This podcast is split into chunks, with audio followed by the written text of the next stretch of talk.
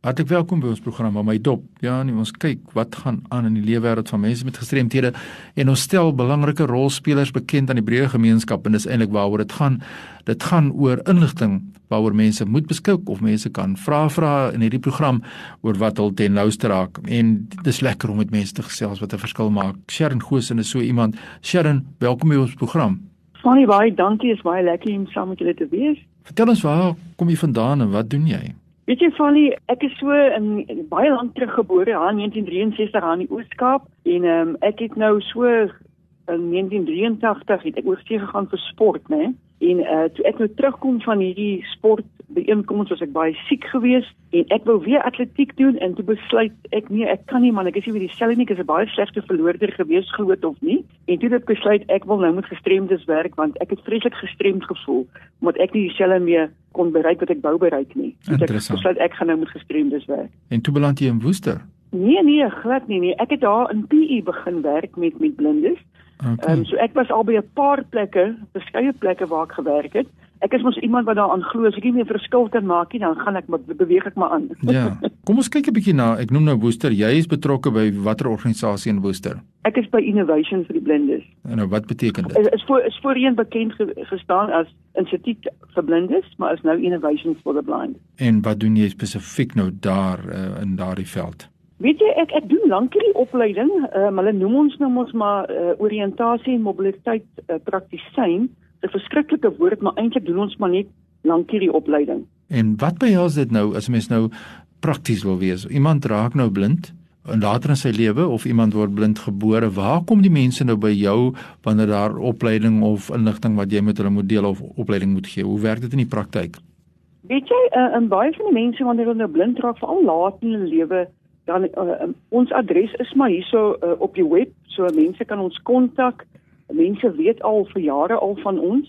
So wat hulle doen, hulle kontak vir ons. Uh, ons neem al die besonderhede. Ons gaan uit na die persoon.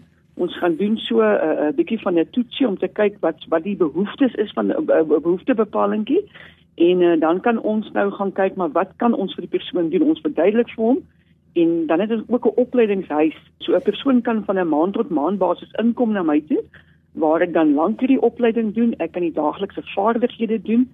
Uh, daar word ook berading gegee vir daardie persoon wat eintlik baie baie belangrik is. En dan werk ons ook met die families, want dit is baie moeilik ook vir die familie om aan te pas nadat iemand blind geword het. Ja, dit is baie belangrik. Dit gaan nie net oor die persoon wat nou hierdie tragiese slagoffer is, is wat mense baie keer na ons verwys nie. Ek ja. brand om jou iets te vra en dit is oor die verskil.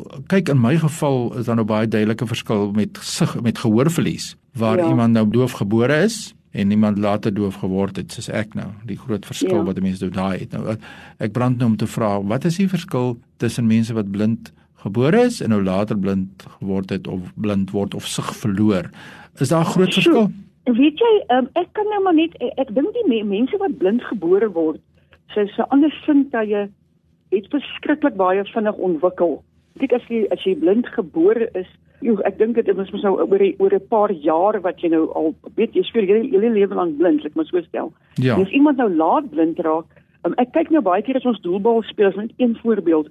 Ek het al baie gesien uh, ontspanne is as ons nou mense die mekaar laat speel, die ouens wat blind gebore word later in hulle lewe sukkel so bietjie uh, om rond te beweeg as die bal na hulle toe kom, hulle is bietjie stadig, net vat 'n bietjie tyd. Maar ja. 'n ou wat blind gebore is, joh, ek sê vir jou, daai bal kom nie deur hom nie. Ja.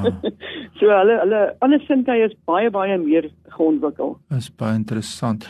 En uh ons moet in 'n volgende program wil ek met jou gesels oor spesifiek as 'n mens kyk nou na die praktyk, as jy nou die proses van oriëntasie as dit mens so mag noem en ook ja. die persoonlike aanslag, die leerplanne wat jy gebruik. Ek is baie geïnteresseerd daarin.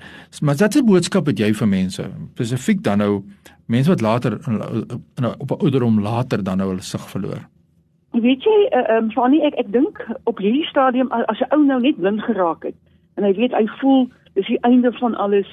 Um, ek wil net vir hom sê, weet jy, glad nie, moet nooit nooit moet opgee nie. Daar is soveel organisasies daar buite wat wat um, opleiding doen. 'n Bel jou naaste organisasie in jou provinsie, maak kontak met hulle en vind uit wat hulle aanbied. Jy kan nie gaan lê nie, moet nooit gaan lê nie. Ek sê ek het nou iemand hier gehad van die Parel hy ek hy, hy, was baie depressief. Ek sê weet jy, jy kan nou 'n bietjie gaan lê nê. Jy moet net nie aanhou lê nie. Ja. So staan op. Ons is hier, maak gebruik van daardie geleenthede. Dit kan nie baie maklik wees nie, maar ons is absoluut hier vir die mense. So uh, hulle sê daar if you are going through hell, keep on going, né? Soos Winston Churchill gesê het. So jy Ja. gaan nie aan. Jy hou glad net nie op nie. Ja. En gelukkig is daar organisasies soos julle by Innovation for the Blind en jy's natuurlik ook bereid om as ons nou jou kontak besonderhede vra om dit deur te gee as mense dalk landwyd na jou wil skakel en uh, wil inligting hê oor waar hulle moet aanklop. Julle is bereid om daardie inligting te gee, nê? Nee?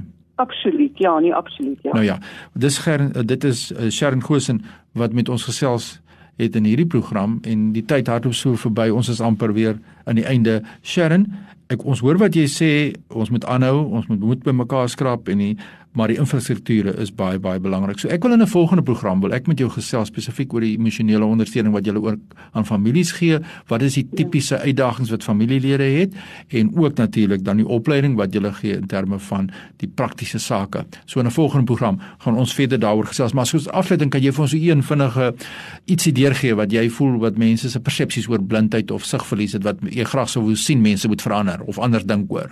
Ek ek, ek dink die grootste ding is jy moet mense met respek behandel. Ehm um, nie jy behandel iemand so wat wat nou enige gestremdheid behandel hulle met respek, net soos jy self behandel wil word. Ja. En dis dit. En mense is tot alles in staat met die regte hulp en en, en opleiding. Ja, en mense het baie boeke om deur te lees om respek teenoor ander mense ja. te betoon is eintlik maar 'n basiese lewensbehoefte wat ons almal het. Dit was nou lekker met jou te gesels Sharon Gosen, sy is van Innovation for the Blind in Woester. Julle telefoonnommer of die kontaknommer waar hulle jou in die hande kan kry?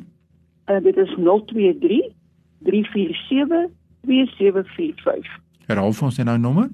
Dis 023 347 2745. Sharon, ek het baie respek vir jou kundigheid en ek die wonderlike werk wat jy doen. So hou net aan asseblief, moenie ophou nie, moenie gaan lê nie, hou net aan. Dis wat jy vir ons nou geleer het. En baie sterkte met julle werksamehede en ek sien uit in 'n volgende program om jou te gesels soos ek gesê het. Groete vir van ons kant. Baie dankie Fanie, dankie. Indien jy inset wil maak in die program, stuur die e-pos nou aan fani.tt by mweb.co.za. Groetens tot volgende keer.